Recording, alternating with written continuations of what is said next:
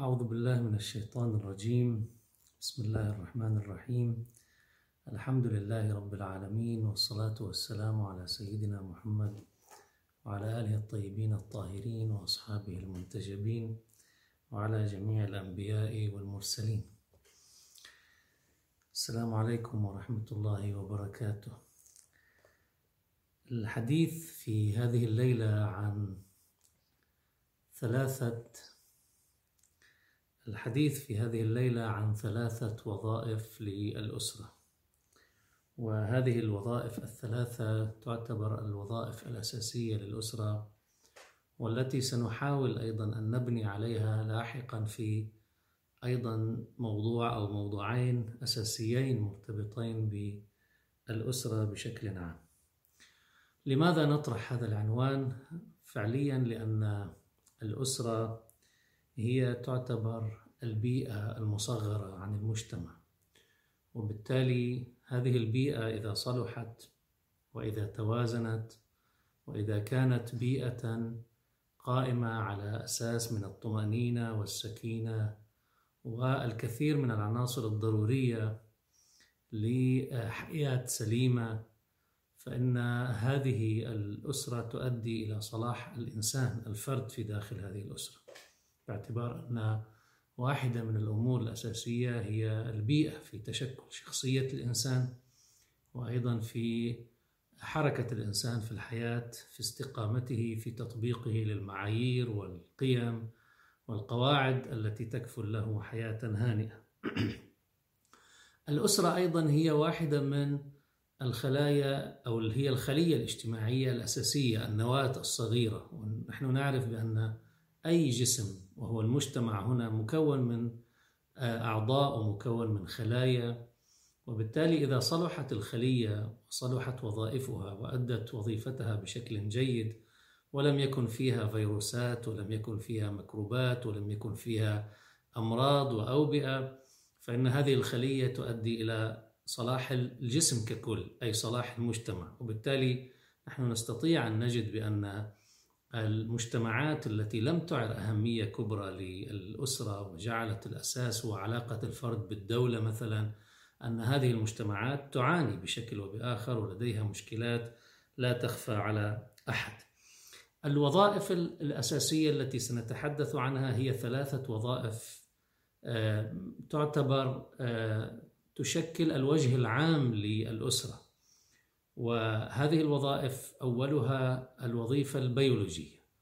باعتبار أن الزواج يبدأ بحاجة بيولوجية طبيعية وهي غريزة الجنس التي فطر الله سبحانه وتعالى الناس عليها.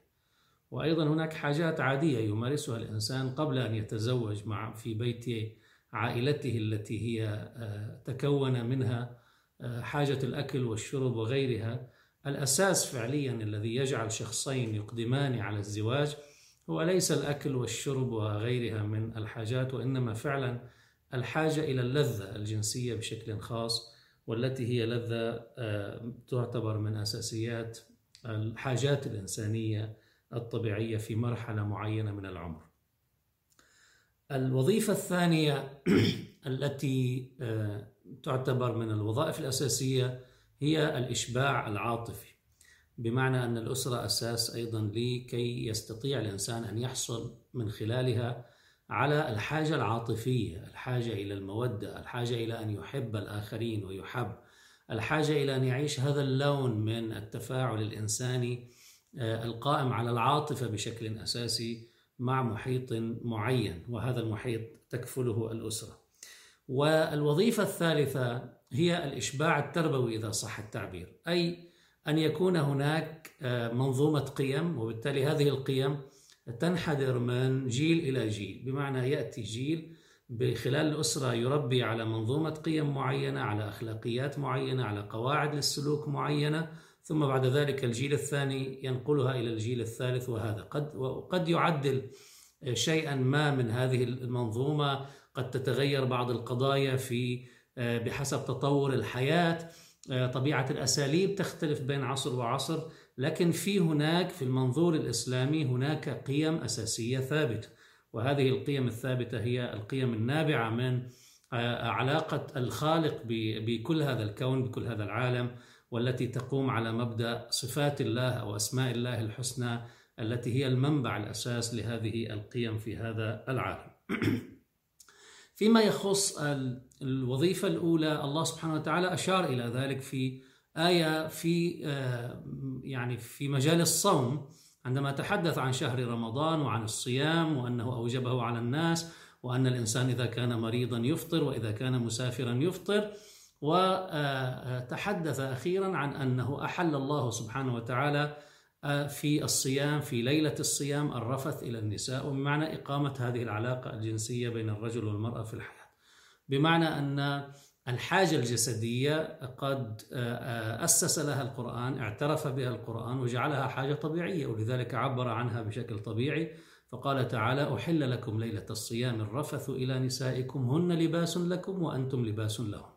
وبالتالي هذه الحاجة هي حاجة جسدية. الله سبحانه وتعالى أصلا هيأ الجسد البشري إلى آه، أن يقوم بهذه الوظيفة بطبيعة التكوين الجسدي للذكر وللأنثى. ولذلك التركيز الدائم على أن الذكر والأنثى هما النوعان الأساسيان الطبيعيان للبشرية.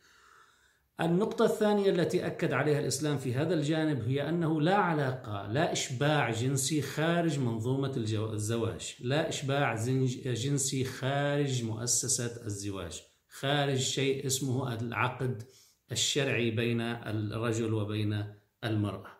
وبالتالي آه، لذلك لا نوافق انطلاقا من منظومتنا لا نوافق على النمط الذي أصبح جاريا في الغرب باعتبار أن الأمر خاضع للحرية الفردية. نحن نرتكز إلى منظومة أساسية إسلامية تقول لنا بأن الجنس هو حاجة طبيعية نعم لكنه لابد أن يتم تنظيمه داخل مؤسسة اجتماعية وهذه المؤسسة الاجتماعية هي مؤسسة الزواج حصرا والأسرة حصرا.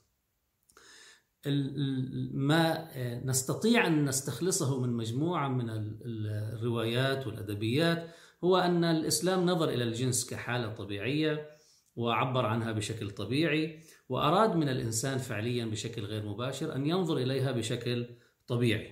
والمطلوب دائما هو أن يكون لدى أي شخصين يقدمان على الزواج أن يكون لديهما ثقافة العلاقة الخاصة.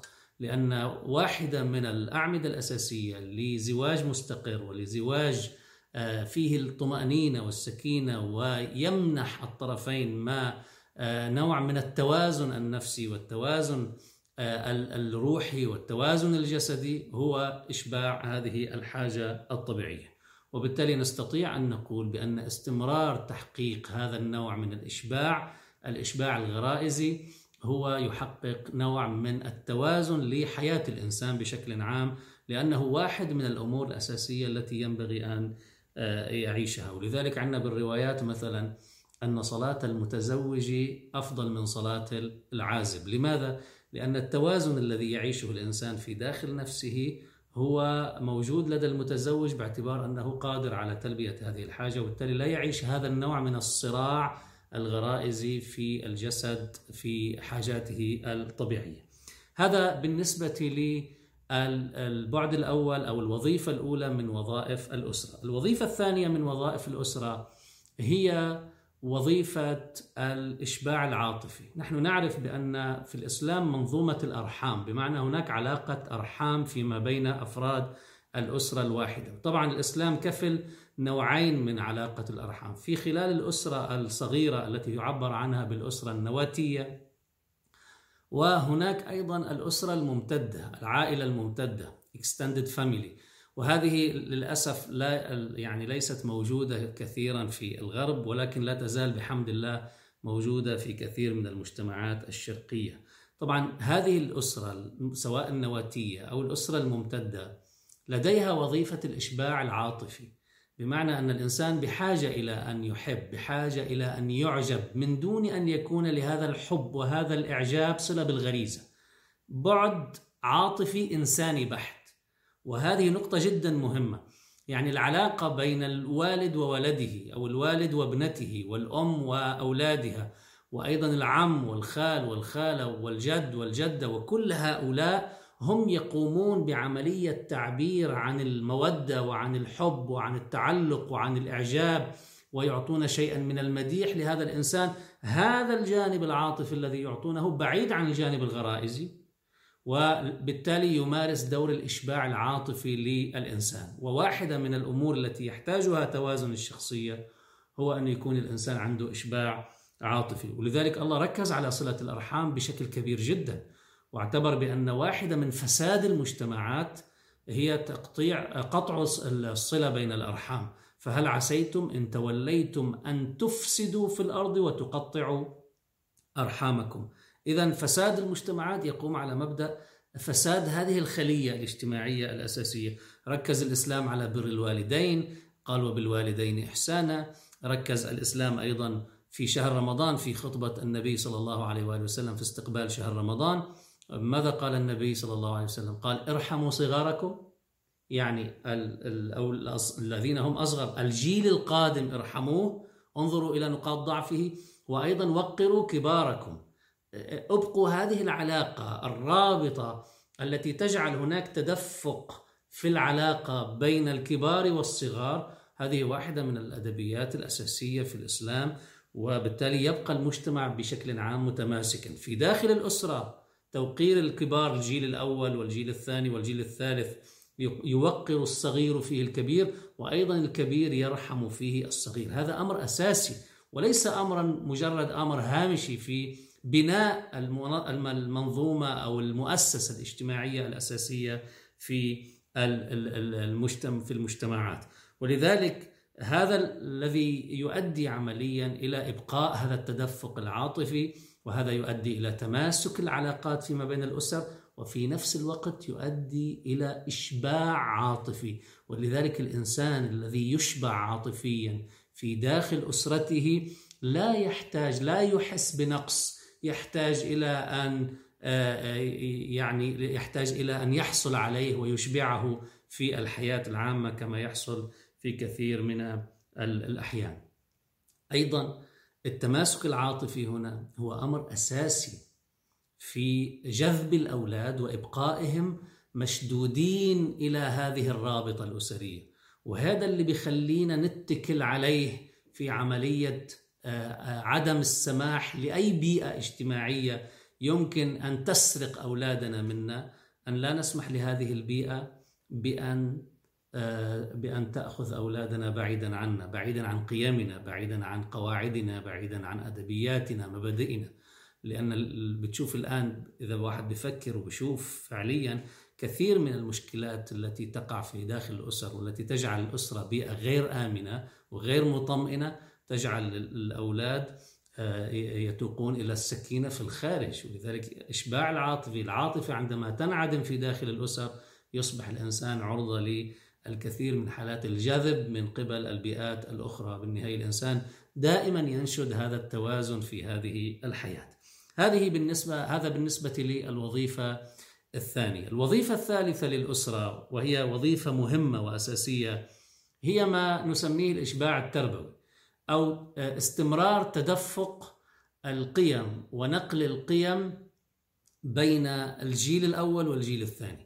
يعني نقول بالإنجليزية transmitting the values between amongst the generations.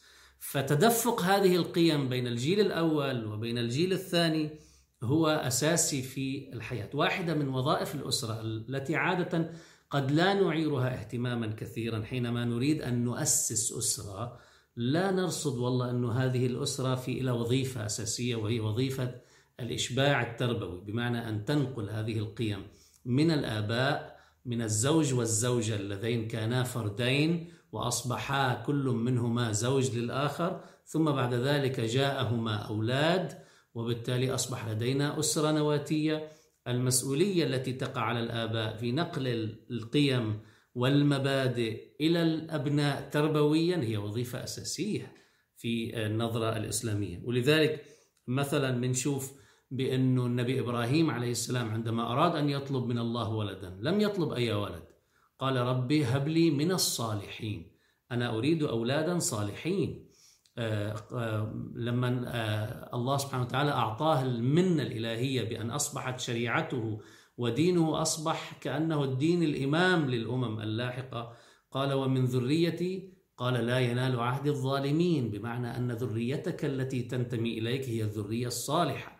وهذا ما أكده الله سبحانه وتعالى في مع نبي الله نوح عندما قال رب إن ابني من أهلي وإن وعدك الحق بمعنى أن لا يغرقه الطوفان.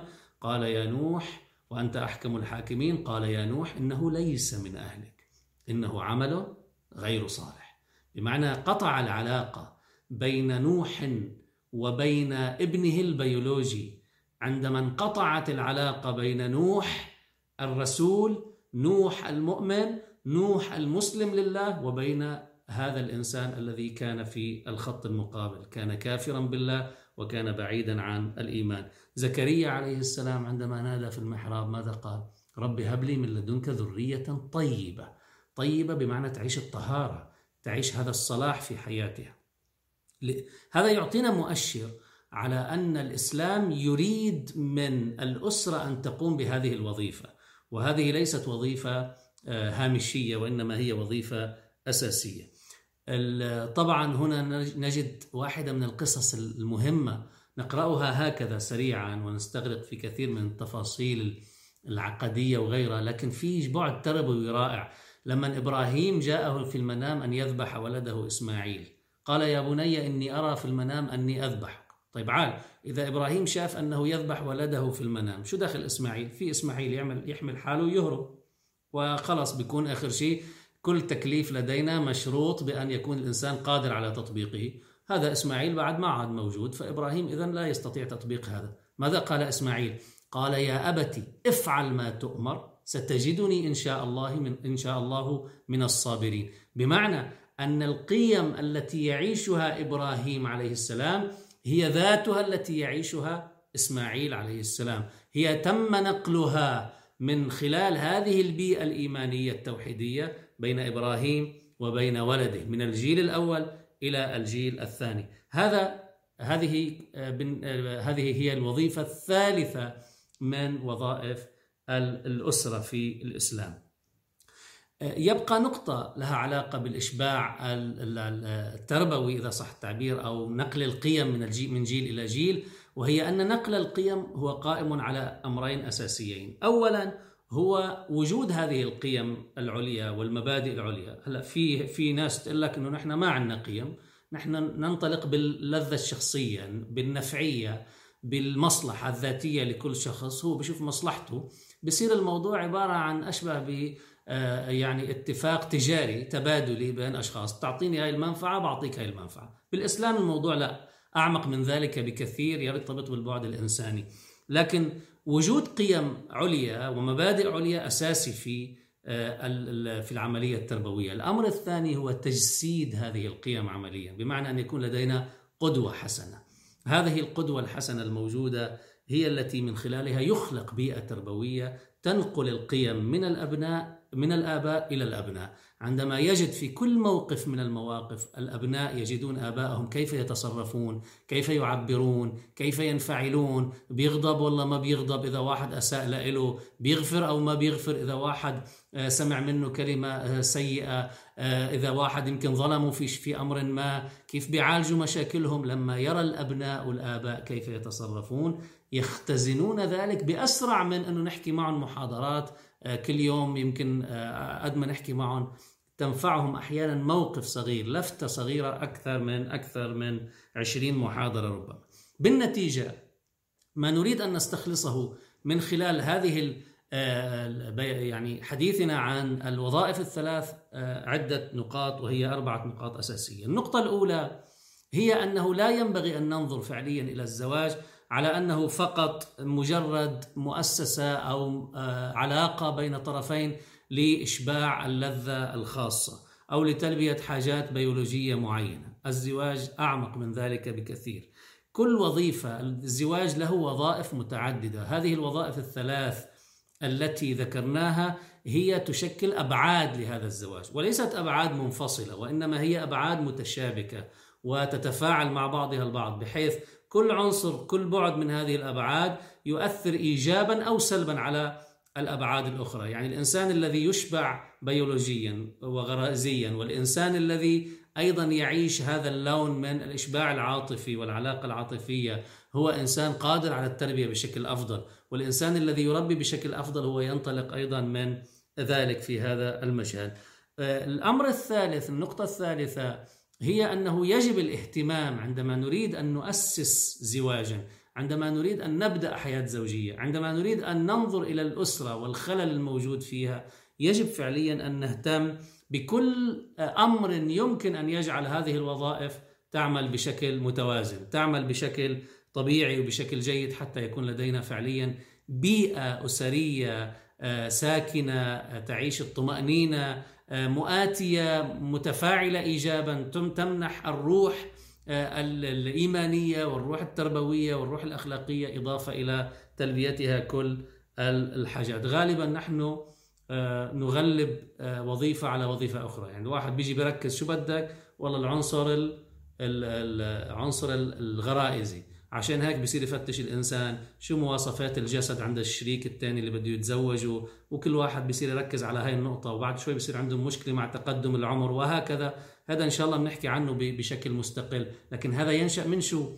إنه نحن ركزنا على وظيفة واحدة ولم نركز على الوظيفتين الأخريين مع بعضهما البعض. عشان هيك بنقول دائما كان سماحة السيد فضل الله رضوان الله تعالى عليه بيقول أن الزواج ثلاث ارباعه عقل وربعه عاطفي. لأنه الإنسان إذا بفكر بس بالعاطفة بيركز على بعد واحد وبيسبقوا على طول البعد الجسدي.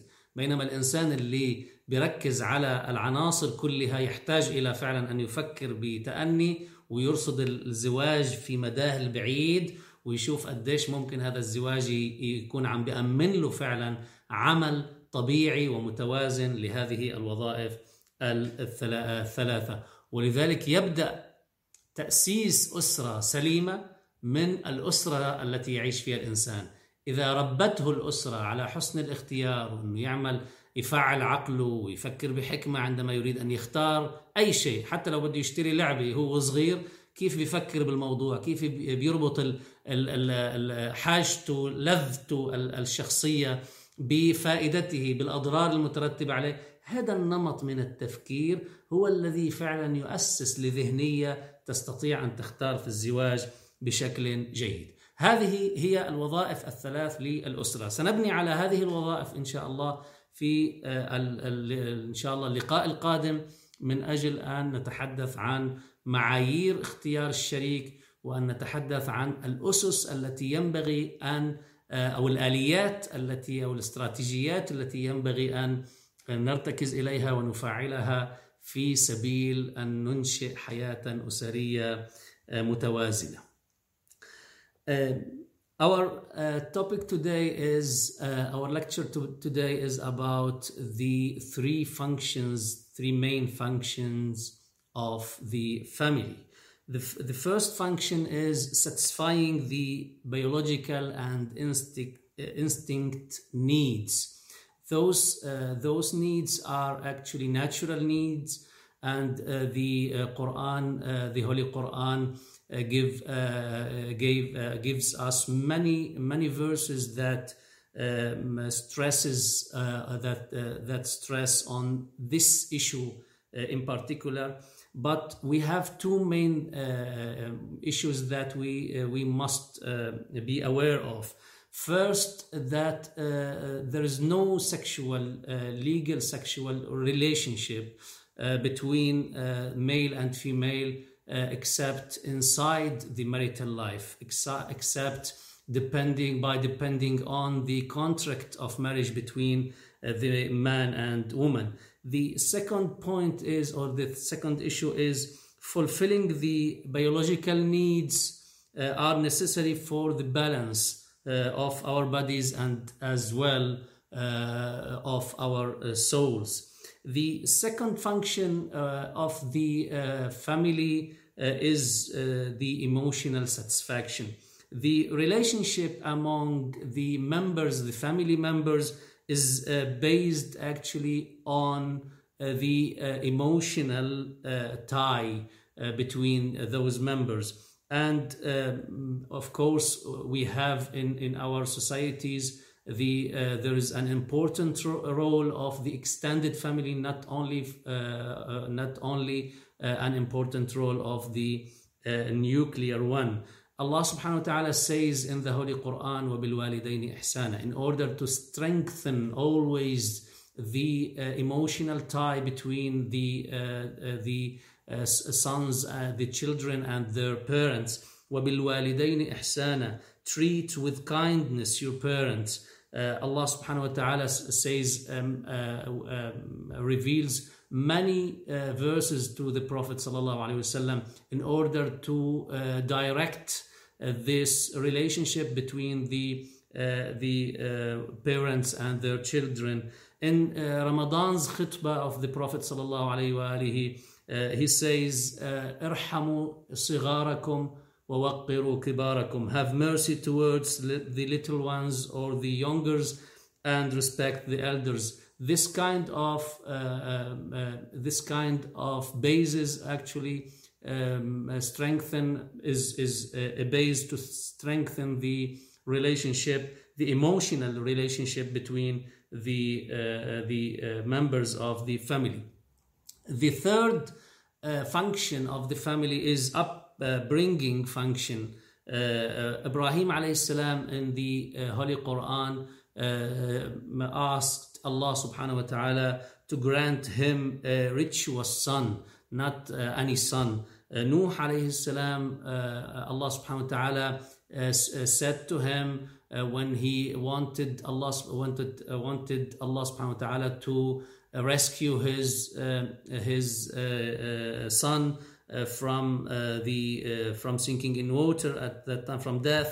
he said Allah subhanahu wa ta'ala, O Nuh, O Nuh, he is not of your family إنه ليس من أهلك for his conduct is unrituous إنه عمل غير صالح Zakaria عليه السلام when he asked Allah subhanahu wa ta'ala to grant him a, a son uh, وليا يرثني ويرث من آل يعقوب he said oh my Lord grant me from you a progeny that is pure not any progeny not uh, not any son uh, according to to these three functions we can deduce uh, some points here which we are going to uh, rely on uh, to uh, stress or to deal or to discuss uh, some important issue in the coming nights inshallah the first point is that marriage uh, shouldn't be considered as a matter of pleasure individual pleasure only actually the relationship that we constitute